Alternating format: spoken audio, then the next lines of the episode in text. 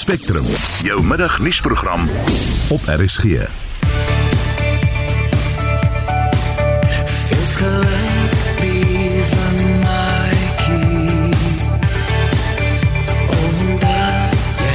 Verjaar. Dis reg, Eskom vier vandag sy 100ste bestaanjaar. Ons kyk na die kragreuse ontstaan en ontwikkeling tot op hede. Ook die EFF is vanjaar 10 jaar oud. En ons kyk vandag na hulle ledetalle en prestasies oor die afgelope 5 jaar. Die amptelike syfers toon 'n afname in plaasaanvalle, hoewel dit nie altyd akkuraat is nie. Ons baie gevalle waar sake eenvoudig nie meer aangemeld word by die polisie nie omdat mense eenvoudig net nie vertroue het in die polisie se vermoë of se bereidwilligheid om die sake op te los nie. Goeiemiddag en baie welkom by Spectrum. Die span is vandag redakteur Justin Kennedy, JD Labuskaghni is die produksieregisseur en ek is Marieta Kreer. En soos wat ons nou net gehoor het, Eskom is vandag 100 jaar oud en op daardie trant is een van die gewildste hitse op die oomblik Stage 16. Eskom het verlede week aangekondig hy werk aan regulasies om die beurtkragskedule vir tot fase 16 te kan aanpas en een Twitter gebruiker verbruiker sê wanneer fase 16 toegepas word, dan is dit die tyd wanneer Suid-Afrikaners by kabinetsministers in hulle huise gaan moet intrek. Ja, einste daai onderwerp wat Essie nou besig gebed gehad het, is ook ons brandvind vraag vir die dag. Wat onthou jy van Eskom se ontwikkeling oor die jare? Dink jy daar's rede om hierdie mylpaal te vier of juis nie vanweë die huidige uitdagings?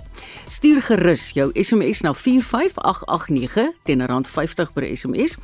Jy kan ook saamgesels op die Monitor en Spectrum Facebookblad of 'n WhatsApp stemnota stuur na 076 536 6961.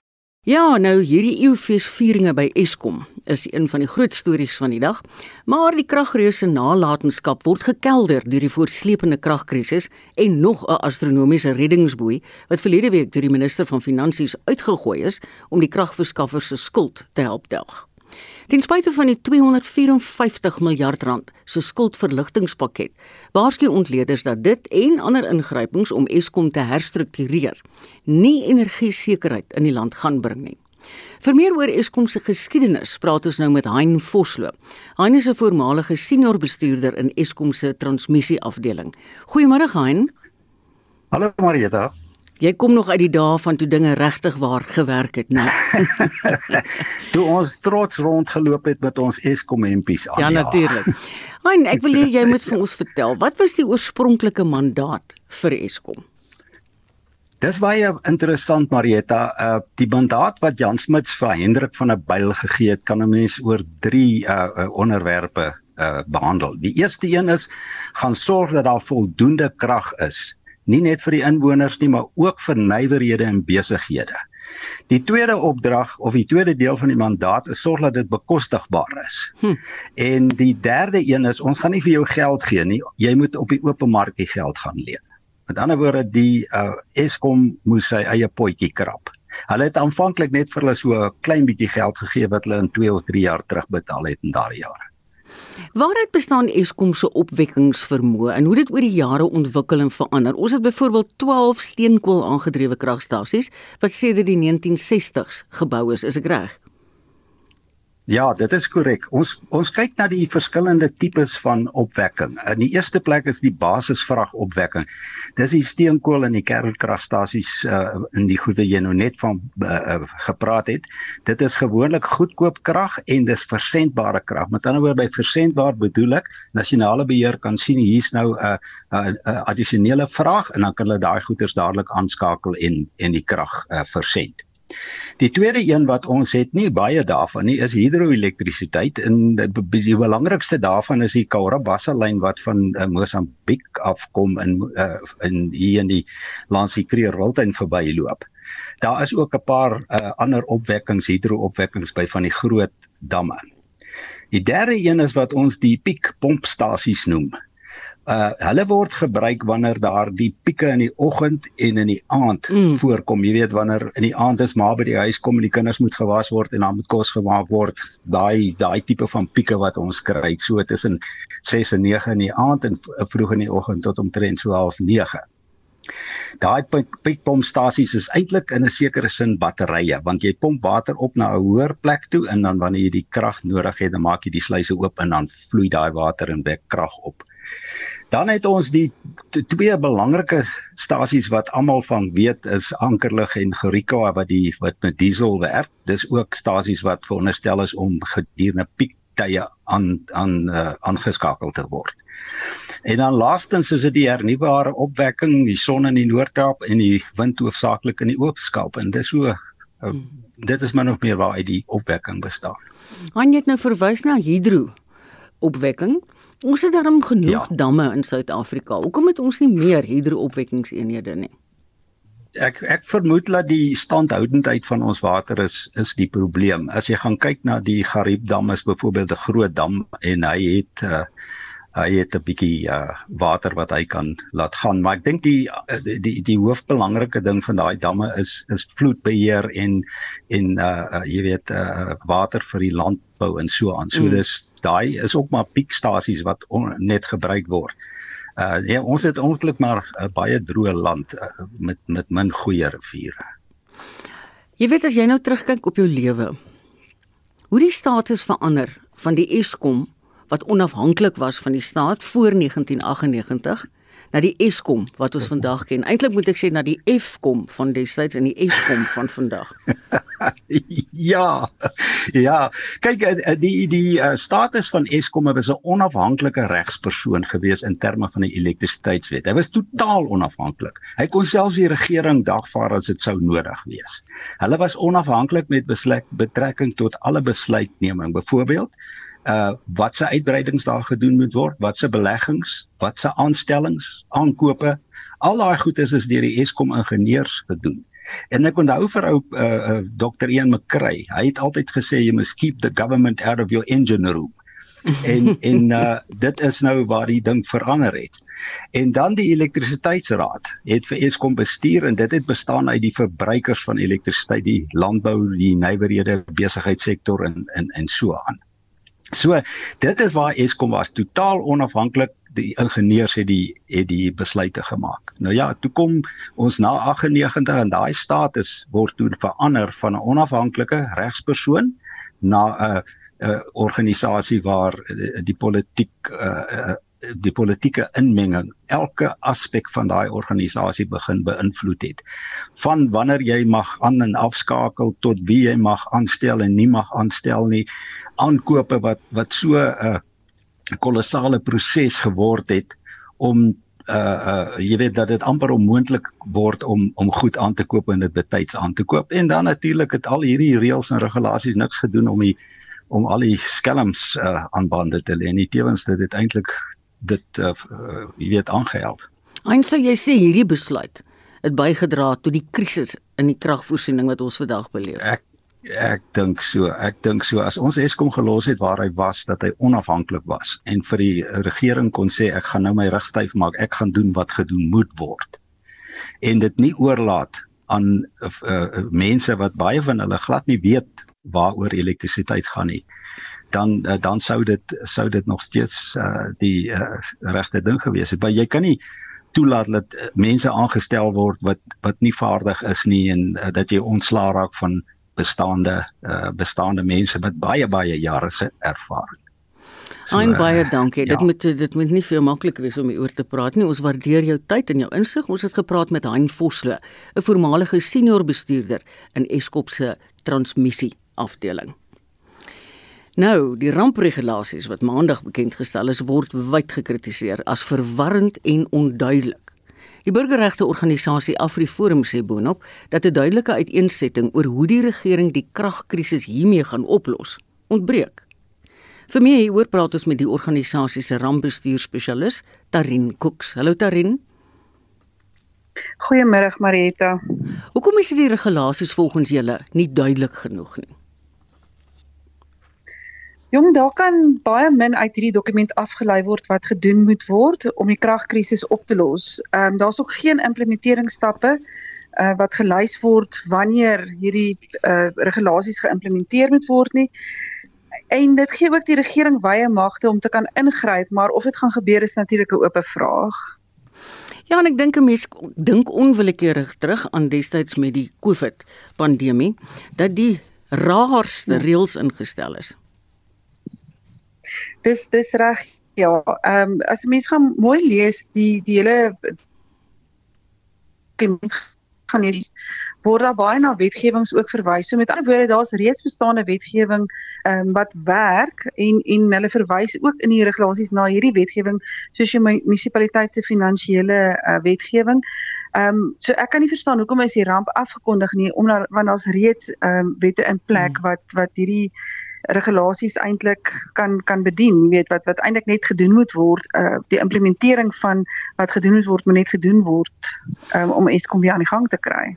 As jy onlangs ingeskakel het, ek praat met Tarin Koeks, sy's van AfriForum wat baie bekommerd is oor hierdie landwyse ramptoestand wat afgekondig is. Dit klink vir my as ek dit reg het, dat jy veral bekommerd is oor 'n duidelike tydraamwerk en die voorsiening van meganismes om verantwoordbaarheid te verseker te midde van die huidige ramptoestand. Absoluut. Ehm um, as jy mens onthou ramp volgens die rampwetgewing is net vir 3 maande geldig. En ek weet nie of Eskom binne 3 maande of die regering binne 3 maande al die situ al die moeilikheid gaan uitsorteer van van Eskom nie. Ehm um, daarna word dan elke maand hernie soos wat ons dit ervaar het in tyd van Covid. Maar vir hoe lank? Jy weet, hoe ja. lank gaan dit hernie word want daar's nie daar's nie 'n projekplan wat sê goed mense teen hierdie tyd ehm um, gaan ons die volgende gaan in plek gesit word sodat daar minder beerdkrag is byvoorbeeld. So daar's geen plan nie. Die plan wat hulle wel van 'n uh, eh, mening 'n uh, eh, melding maak in die regulasies is ook daar's ook geen tydperk gekoppel nie. Daar's net word gesê 2023 uh gaan hulle die volgende doen, jy weet, maar daar's nie 'n vaste tydperk gekoppel nie.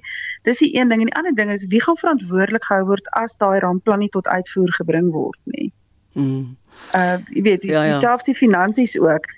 Wie gaan verantwoord wie gaan verantwoording doen vir die finansies? Daar word wel gewys na die ouditeur-generaal en dat hy moet 'n oorsig uh, speel rondom dit, maar gaan dit een keer 'n jaar wat hy vir ons gaan terugvoer gee? Gaan hy elke maand terugvoer gee vir die ehm um, vir die inwoners of hoe hoe gaan hy hoe gaan hy dit doen? Jy weet, so daar's dit is maar baie wyd geskryf. Ek dink Suid-Afrikaanse burgers is ook 'n klein bietjie sinies want as jy nou terugdink aan die COVID tyd, ek meen hmm. toe die tersaaklike minister een van die grootste bedrae vasgelê. Maar kom ek vra jou wat munisipaliteite betref, dink jy hulle is gereed om die rampregulasies ja. te implementeer?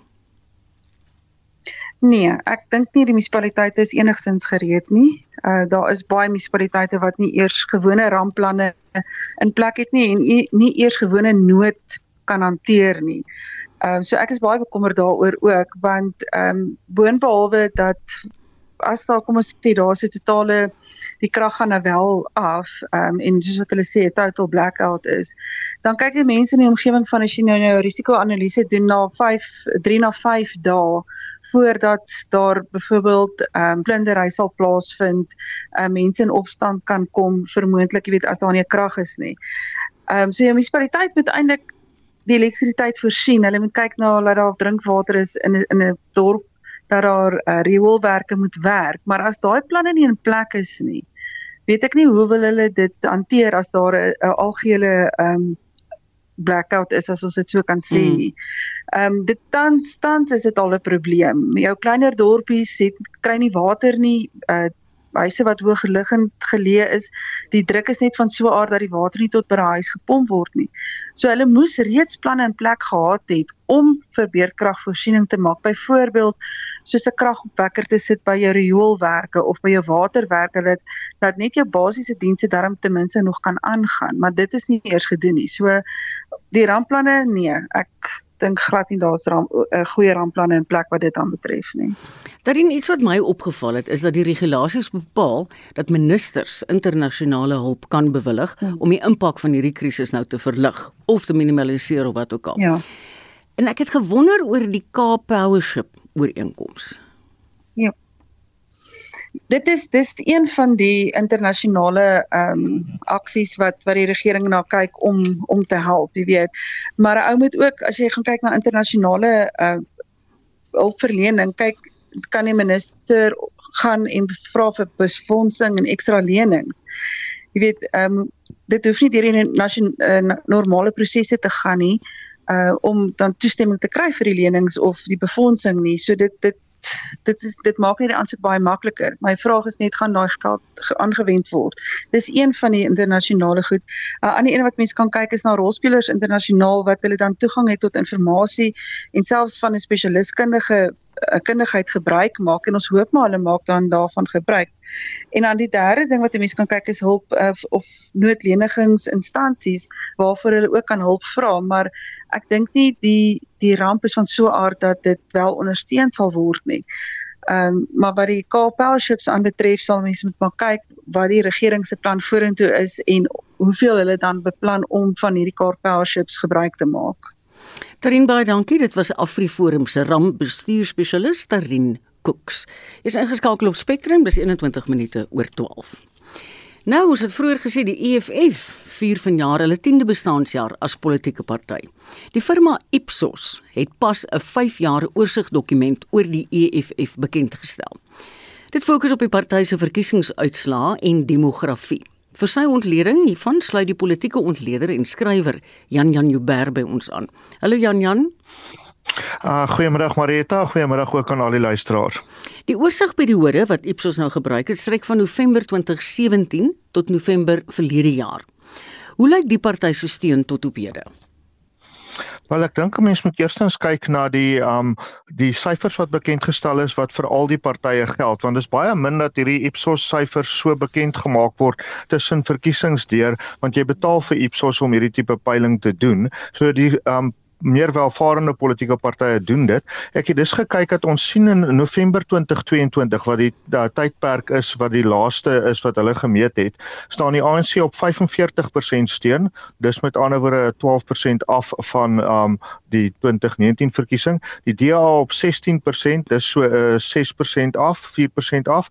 Die EFF op 13%. So hulle is besig om die DA in te haal en hulle is dan op met so in die omgewing van 1% en Inkatha op 4% beste uitslag vir Inkatha baie jare. Ander partye, dit sou die Vryheidsfront, dit sou um Action SA insluit en dan ook mense wat nie wil sê nie of nie wil stem nie hmm. is op 22%. So dis ANC 45, DA 16, EFF 13, IFP 4. Die ander interessante ding vir my is die um ondersteuning vir 'n spesifieke politieke leier. Daar is Cyril Ramaphosa eerste met 52% um wat uh punt uit 10 5.2 uit 10 kry by kiesers en 3.9 uit 10 kry Julius Malema die EFF leier hy's in die tweede plek. Interessant. Hierdie syfers toon dat hulle steun onder mans afgeneem het met 4% terwyl vroue ondersteuners met 4% gegroei het. Wat maak jy daarvan? Ja, Um wat ek daarvan maak dis eintlik meer 'n regstelling. Kyk, dis nie dat hulle steun totaal onder mans en um vroue ge, uh, gegroei het nie. Dit is net die balans wat 'n bietjie reg gekom het. Die EFF het 'n groot probleem met vroue kiesers. Hulle hou nie van die EFF nie. So waar 52% van die land se kiesers vroue is, was net 40% van die EFF se ondersteuners vroue. Dis nou 44 teen 56%, maar dit beteken die uh, die EFF het 'n baie groot vroue probleem. En die die afleiding wat mens kan maak is dat die gewelddadige beeld van die EFF nie vroue aanstaan nie. Um dit is dit is baie duidelik. Jan Jan, ek sien die steun van die party onder mense wat tersiêre onderrig het. Dit sê dit 2017 gegroei met 12% tot 22%. Maar ondersteuners hmm. wat hoërskoolopleiding voltooi het, het afgeneem met 7%. Kry mense die indruk hulle is meer aktief by universiteite of colleges? Presies reg. So dit is um studente stemme en dan mense van daai ouderdom wat altyd maar geneig is om ietwat links te gaan en dan soos hulle ouer word minder links te gaan. Um so ja, dit sal vir die EFF nie net ag ekskuus vir die EFF nie noodwendig 'n goeie syfer wees nie want wat die geheim is en dis wat die demokrate in Amerika nie reg kry nie, is om daai stem te behou. Dit help niks jy vaar altyd goed onder studente, maar soos hulle ouer word, dan vervel hulle amper polities en dan um, skud hulle jou af nie. So ja. ek dink vir die EFF nie sulke wonderlike nuus nie. Wat dink jy op die oomblik is hulle grootste uitdaging as hulle wil beter vaar volgende jaar? Ek sou sê daar's twee punte wat baie sterk uitstaan, drie eintlik. Die eerste is um die bevindinge oor taal. Um hulle sterkste ondersteunings is um, onder Sepedi sprekers en Seswati sprekers en dit beteken in Limpopo en dis hulle sterkste provinsie. Maar hulle het 'n probleem met luister hierna Zulu sprekers, Afrikaanse sprekers Engels sprekendes. Dis drie groot taalgemeenskappe waar hulle baie min ondersteuning het. So basies die veiligste plek om te bly as jy nie van die EFF hou nie is Richards Bay.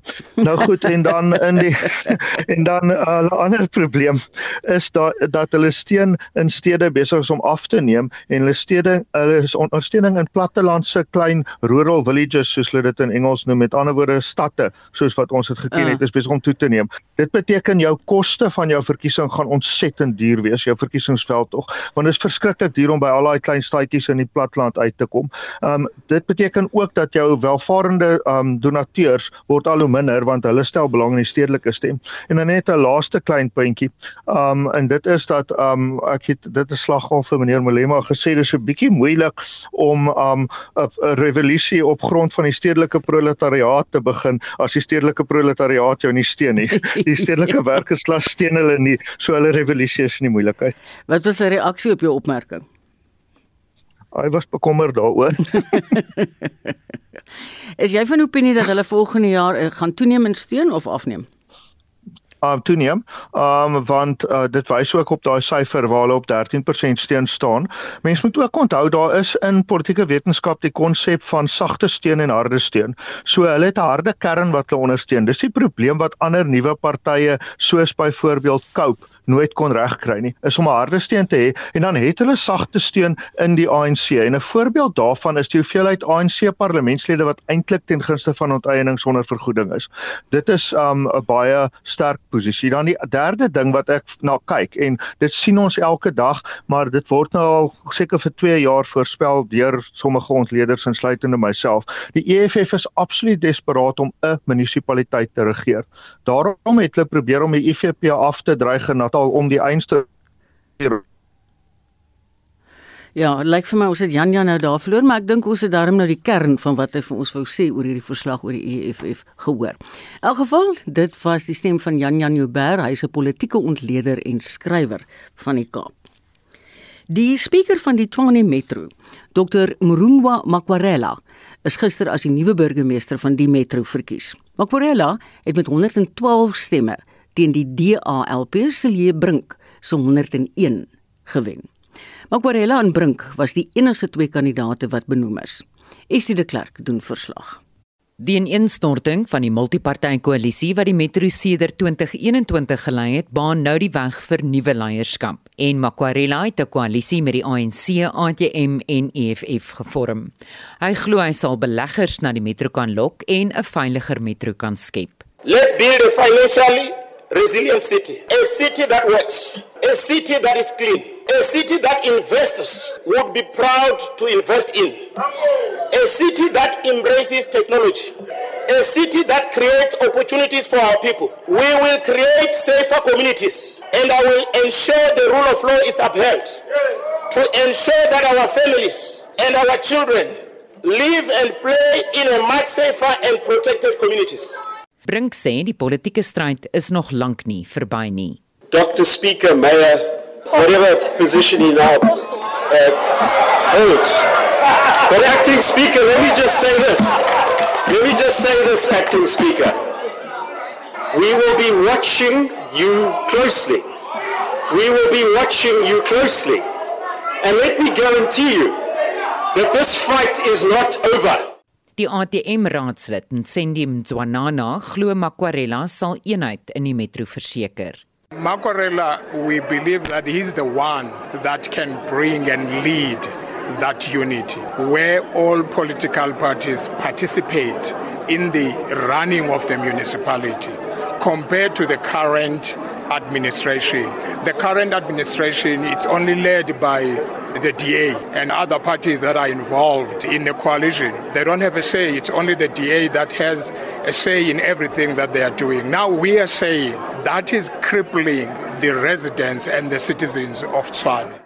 Die EFF-voorsitter in Tshwane, Ubakeng Rumabudu, hoop die nuwe burgemeester sal dienslewering aan inwoners prioritiseer. We hope that uh, the people of Tswane are going to see service delivery. For the past uh, seven years with the DA mayors who have been in and out. Others were accused of manner of things. But we think this is a victory for the people of Tswana. It's not any victory of individual. 'n Sentiment wat deur die premier van Gauteng, Panyaza Lesufi, wat ook die ANC se provinsiale voorsitter is, gedeel word. It's quite clear that the DA messed this city up, and even their own members agreed with us and voted with us, and uh, we appreciate that. It's just back to hard work, uh, to be quite frank, to ensure that the municipality prosper and to also ensure that the municipality delivers to our people. But we are indeed thrilled. I mean, it's three out of three. I mean, we just came out of a conference eight months ago. Uh, we're given a mandate to reclaim all the municipalities that we lost. We got Johannesburg back, we got Ekurhuleni back. Now it's Tshwane. We are in the middle of taking Mohali City Dit was die premier van Gauteng, Panyaza Lesufi. Die verslag is saamgestel deur Faniel Shuma en ek is Estie de Klerk vir SAK nuus. Later in die program ontleed ons hoe die veelparty koalisie die verkiesing verloor het en die gevolge daarvan nie net vir hulle nie, maar ook vir inwoners. Jy luister na Spectrum. Op RSG. Wat nog voor lê in die program plaasmoorde het tussen 2021 en 2022 afgeneem. Die syfers vertel blykbaar nie die volle verhaal nie. Ons kry net hierna die jongste inligting hieroor. En 'n finansiële inspuiting van meer as 4 miljard rand maak 'n omdraai strategie vir die poskantoor moontlik. Ons nooi jou bly gerus ingeskakel.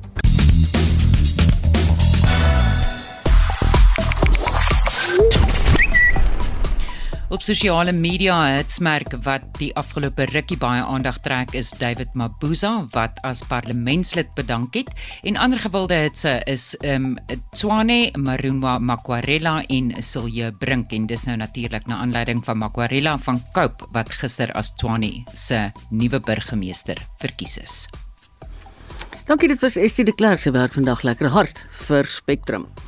Nou dit is dag 2 van die eerste krieketoets tussen die Proteas en die Windies by Supersportpark in Centurion. Pieter van der Berg hou die aksie vir ons dop. Hallo Pieter.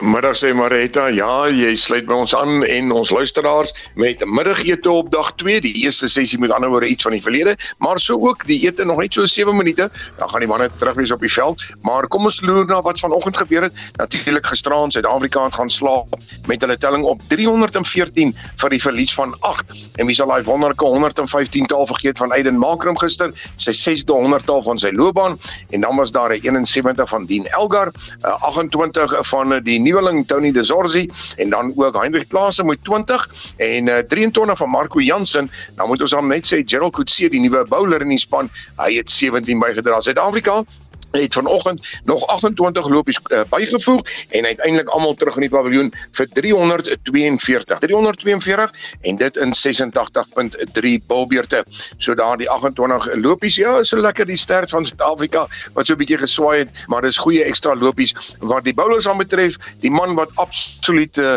soos 'n paal bo water uit staan Alzari Joseph en wat vir die eerste keer in sy loopbaan 5 paaltjies gekry het en uh, dit het hy gekry 18.3 bilbeerte 81 verstaan en dan soos ek sê hy kry 5 bilbeerte teen 'n gemiddeld van of 5 paaltjies vir verskoning teen 'n gemiddeld van 4.37 lopies per bilbeert. Dit is uh, die span van die Wes-Indiese eilande wat kom kolf en dit is 'n uh, Craig uh, Brathwaite wat die kaptein is wat gebou word deur Kagiso Rabada 'n uh, muntende bal bietjie van die maanblad af uh, weggeswaai die wegpen daarmee heen en hy's uit vir 11 en hy het net 1-4 kon aanteken. Dan is dit uh, ook uh, terug in die paviljoen is Chanterpol. Hy is uh, gevang deur Mutosami en uh, die bowler daar was Kutse. Hy 22 aangeteken. Toe hulle gemiddagete eet het, was hulle op 2 ag ekskuus 71 vir 2 71 lopies vir die verlies van twee paaltjies en uh, ryfer hy kom voortkom met sy telling op 19 en Blackwood het 13 agter sy naam van 14 balle So daar die agterstand dan wat hulle uh, tans het, dit is nou die Wes-Indiese eilande is 271 lopies. Maar soos ons sê, hulle het 8 paaltjies nog uh, staande. Ek natuurlik sou hulle nie uh, meer as daardie twee wou verloor het in die oggendsessie nie, maar Suid-Afrika, ek dink hulle is heel tevrede dat hulle so 'n ek wou amper sê sessie en 'n half uh, daarom daardie twee paaltjies van die Windies gekry het. Die manne wat suksesvol was met die bal, kom ons loer na die bowlers van Suid-Afrika. Kagiso Rabada 1 vir 16 en 6 beurte en dan uh, Gerald Coetzee, die nuweling Hy het een paaltjie geneem en hy het in sy vier beurte 20 lopies afgestaan. Andries Norke in 6 beurte 14 afgestaan en dan die ander bouler Marco Jansen in vier beurte het hy ook 16 afgestaan. Maar het dit is die nuus. Dit is Suid-Afrika 342 in hulle eerste beurt en soos ons sê in antwoord op uh, daardie 342 is dit die Windies teen middagete op dag 2 op 71 vir 2. Hulle gaan kom voorkolf en dan sal ons sien of Suid-Afrika die res van daardie paaltjies gaan kry om 'n voorsprong op die eerste beurt te hê. Maar dit is dan eers die cricketnuus. Hier vanaf Centurion weer eens 'n heerlike warm dag. Die son wat skyn. daarmee terug na jou in die ateljee in Johannesburg. Ja, ek hoor Pieter sê dis 'n heerlike warm dag. Ek het gehoor dis baie baie hitsig daar. Maar dankie Pieter. Ons gaan later vanmiddag weer van jou. En ons bly by sport. Ons skakel nou oor na Lali Stander wat die Joburg vroue oop op Modderfontein vir ons dophou. Hulle Lali. Hallo julle en dis 'n baie lekker warm sonnige dag by Modderfontein Golfklub. dis dag 1 van die Joburg Ladies Oop hier by Modderfontein Golfklub. Dis die 8ste uitgawe van hierdie toernooi en ons het gister hier gesit en 'n bietjie navorsing gedoen. Die eerste toernooi was 200 000 rand prysgeld by Royal Johannesburg in Kensington. Leanne Pace het daardie een gewen. Dit was haar sewende agtereenvolgende sege op die Sonskyn reeks. En ehm um, toe het ons nou so 'n bietjie gekyk na hoe hierdie toernooi gegroei het. Ons het daai jaar begin met 48 spelers in die veld um, en daar was omtrent helfte beroepspelers en helfte amateurspelers. Hierdie jaar het ons 132 spelers in die veld waarvan 90 uit Europa uitgekom het. En uh, dit is natuurlik nou 'n volledige vroue Europese reeks en sonskyn reeks toernooi. Prysgeld hierdie jaar 300 000 euro. So dis hier naaste by 8 miljoen rand. Wow. En uh, vandag is dag 1. So ja, hierdie toernooi het ongelooflik gegroei. Julle, dit is uh, dit is verlede jaar vir die eerste keer saam met die vroue Europese reeks aangebied.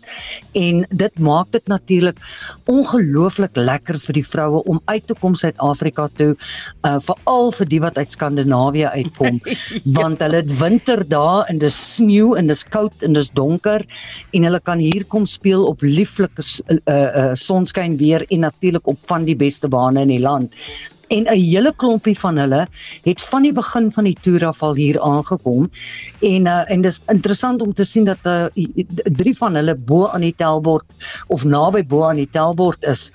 Ons begin met wie voorloop en dit is Alice Hewson van Engeland. Hewson het in 2020 in haar groentjie jaar op die vroue Europese reeks die Suid-Afrikaanse vroue oop gewen en uh, sy's terug en sy wil graag nog eenetjie in die bank steek. Sy het 'n baie baie goeie ronde vanoggend gespeel, 'n foutlose 5 onderbaan syfer uh, 68 aangeteken. Maar Smilla Taning Soedenby is ook daar op dieselfde nommer.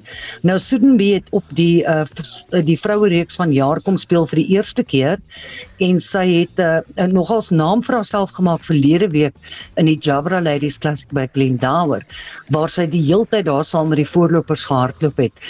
Sy het so pas voeltjies aangeteken op 13 en 14 om ook daai 5 onder uh, merk te bereik. Maar sy het nog so vier bytjies oor om te speel en as ek kyk na waar die voeltjies gebeur, is daar 'n goeie kans dat sy bo aan die tellbord kan eindig. 17 en 18 gee baie voeltjies vandag. En dan Moa Volke wat 2 weke gelede die Dimension Data Ladies Pro-Am gewen het, is in die gesamentlike derde plek saam met uh, sy's van Swede in die in 'n gesamentlike derde plek saam met Emma Spitz van Engeland en dan Christine Wolf is nog daar buite. Sy het nog 'n paar bytjies om klaar te maak ook op 'n 4 ondermerk. Geen Suid-Afrikaanse vlag nie totdat ons kom by 2 onder nie en dis die groentjie Kylie Telfer. Telfer het regtig vir my die pa, laaste paar weke uh, beïndruk hoor. Sy het 50 geëindig by die ehm um, Dimension Data Pro by Fancourt en verlede weer week weer 'n top 5 gehad by Glendower. Volkies gemaak op 17 en 18 om haar aan te sluit by die pak daar op 2 onderbaan syfer in die 10de plek. Ons gesels weer later op RSG dan gee ek vir julle verdere verslae. Lali Stander vir RSG Sport. Ja, dis lekker heuning. Ek is bly daai lot wat uit die noorde uitkom, so ver in noorde. Hulle moet dit sekerlik baie geniet. Ons is net hierna terug.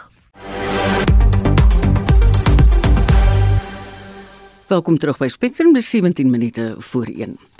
Die verkiesing gister van die Cape Raadslid Muranwa Makwarela tot burgemeester van Tshwane word deur die DA bestempel as die kaping van die plaaslike regering.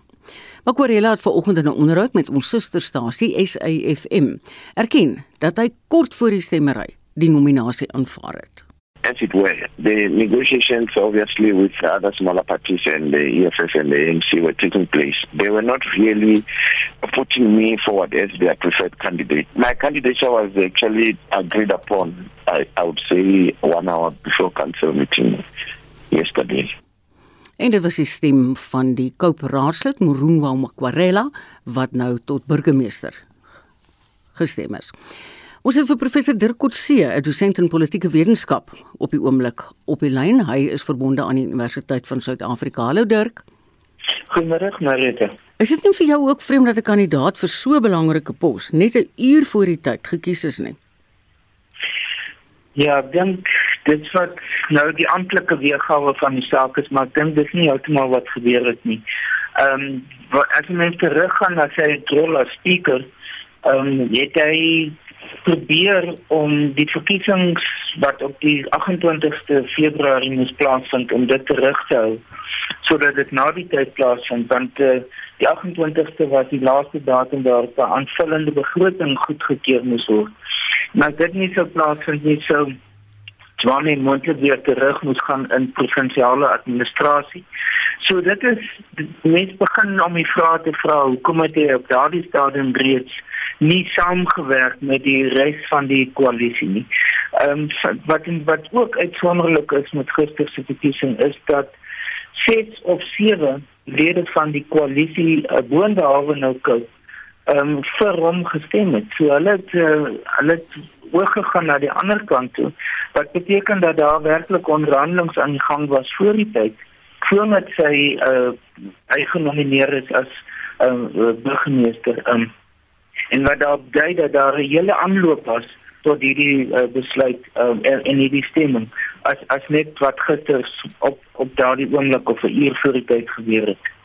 Ek aanvaar 'n mens sal weet dis nie toevallig dat die nuwe burgemeester verkies is by wyse van 'n geheime stemproses nie.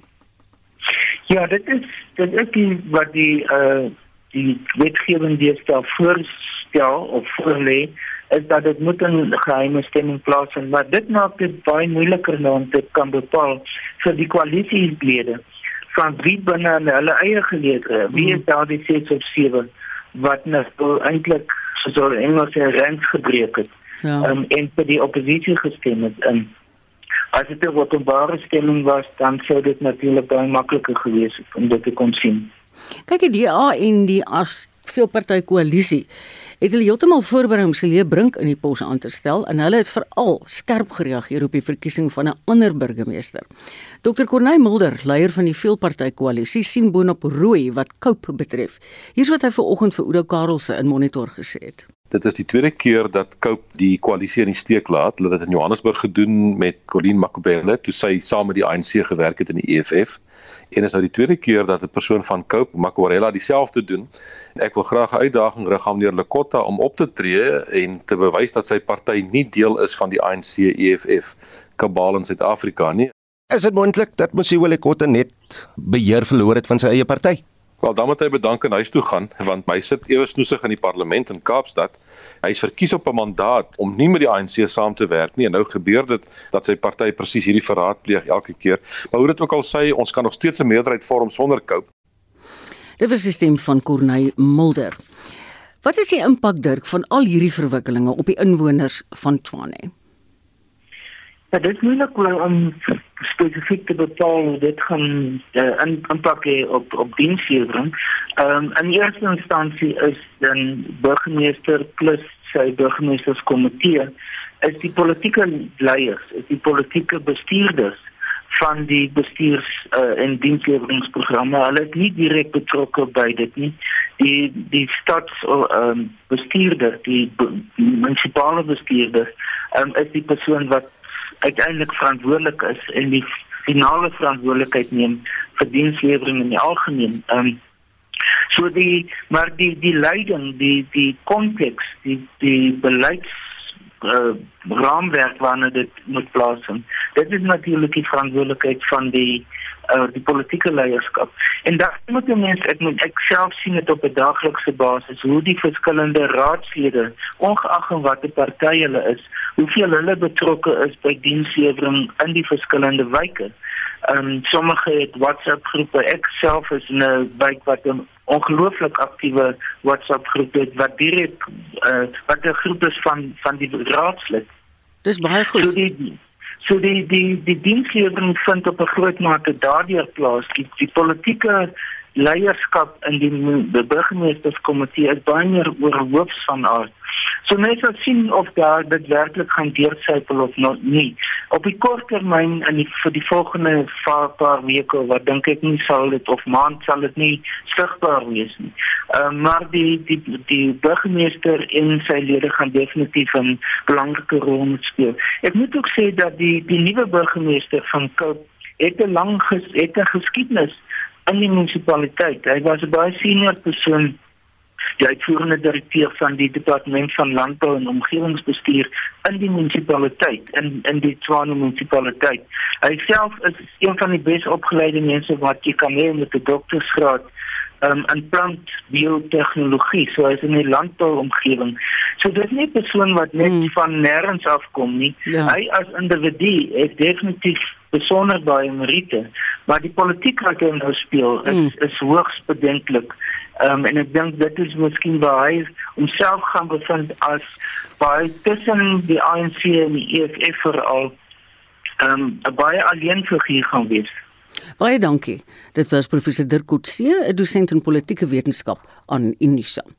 Die burgerregte organisasie AfriForum waarsku teen die impak van gebrekkige vertroue in die polisie in die stryd teen plaasaanvalle en moorde.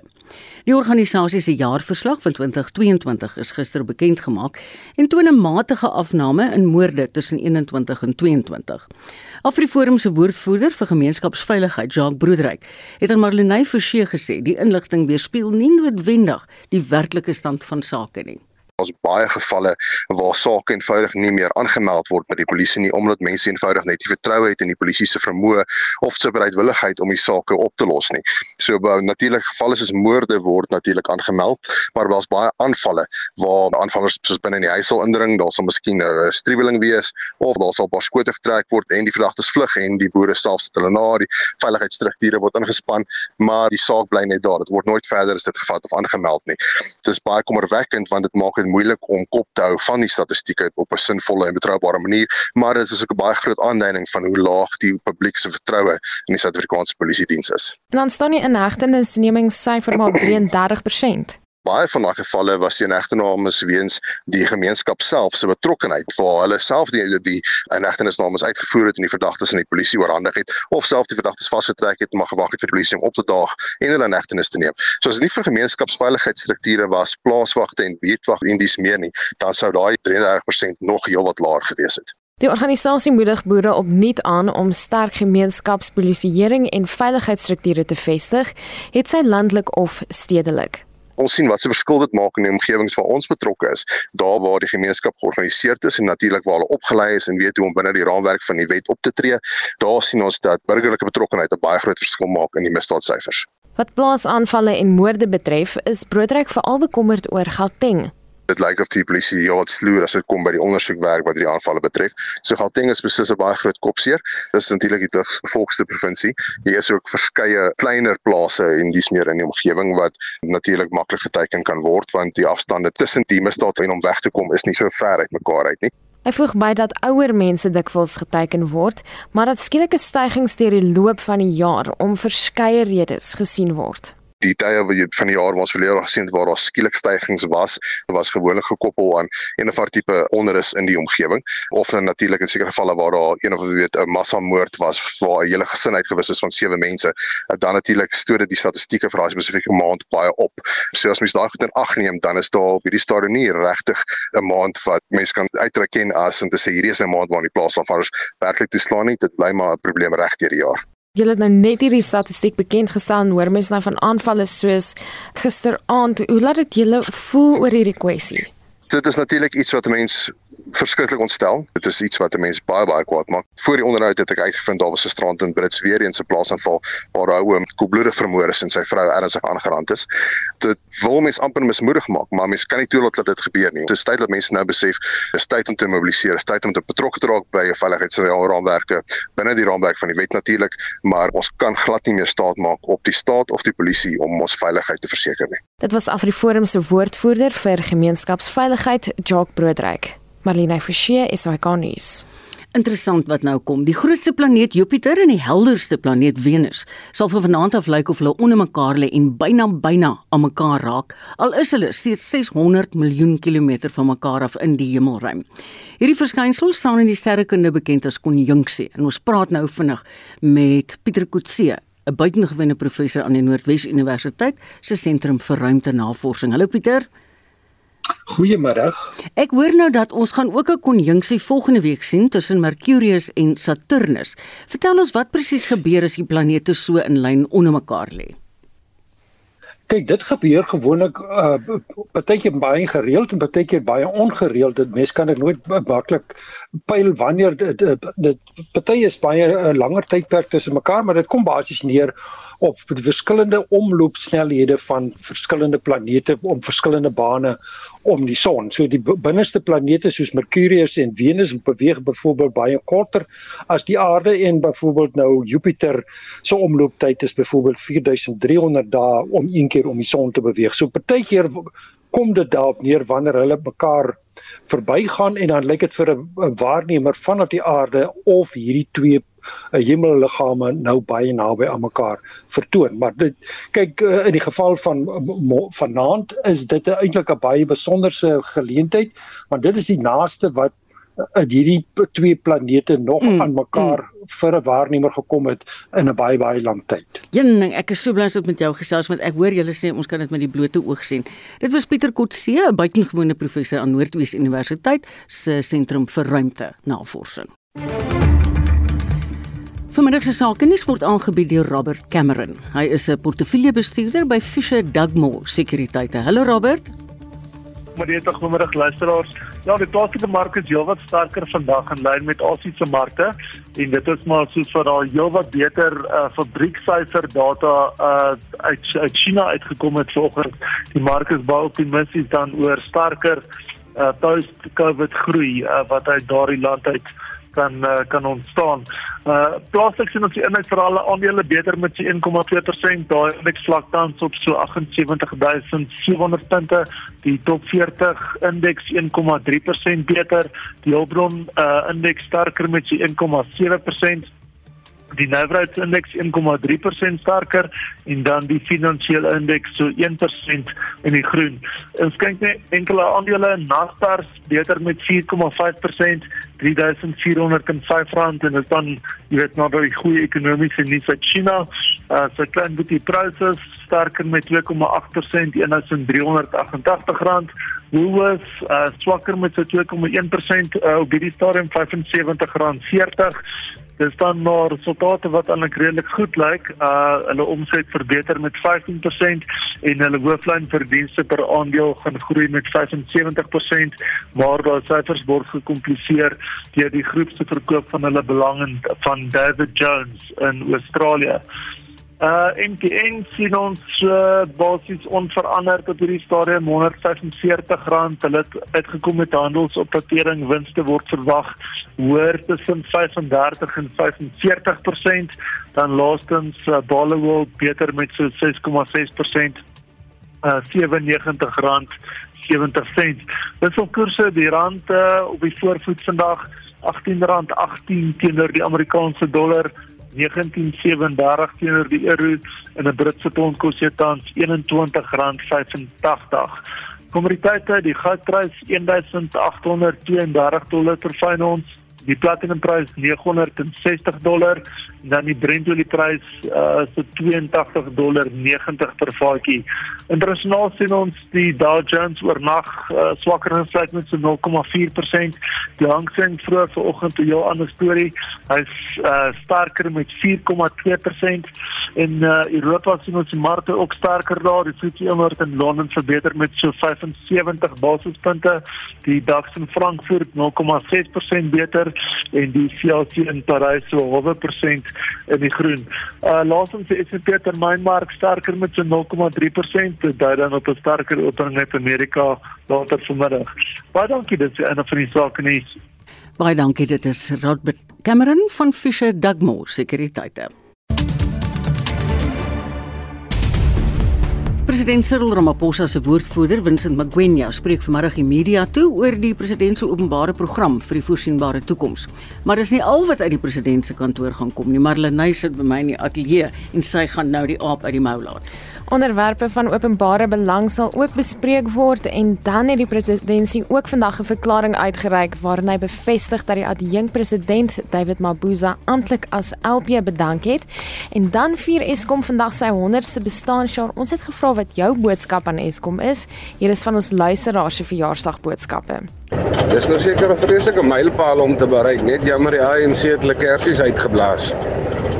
Vir die eerste 70 jaar was Eskom daar. Vir die laaste 30 jaar was hulle waar. Van die kragreus wat eens een van die top 10 in die wêreld was, het net 'n miskryer gekaapte dwergie oorgebly. As jy nie 'n stem gehoor het nie, kan jy daarna luister in Brandpunt of selfs in Monitor môreoggend. Eskom egter nie die enigste verjaarsdag maak nie, die EFF vier ook sy verjaarsdag. Die politieke ontleder en skrywer Jan Jan Uber het as volg gereageer. Hulle sterkste ondersteunings is onder se Pedi sprekers en Seswati sprekers en dit beteken in Limpopo en dis hulle sterkste provinsie. Maar hulle het 'n probleem met luister hierna Zulu sprekers, Afrikaanse sprekers, Engels sprekendes. Dis drie groot taalgemeenskappe waar hulle baie min ondersteuning het. So basies die veiligste plek om te bly as jy nie van die EFF hou nie is Richards Bay. En dan na die buiteland in Griekeland het die dodetal na 'n treinbotsing vanoggend gestyg tot 39. 'n Passasierstrein het tromp opgebots met 'n goederetrein. Nou aanleiding van wat Jan Jan Joubert gesê het, moet ek vir sê ek dink jy moet 'n Afrikaans sprekende vrou wees wat in Richards Bay bly. Baie dankie Marlene. Ek groet namens ons hele redaksie hierso by Spectrum en ek skakel oor na Johan Rademan in Kaapstad vir die 1 uur nuus en 360. Lekker middag.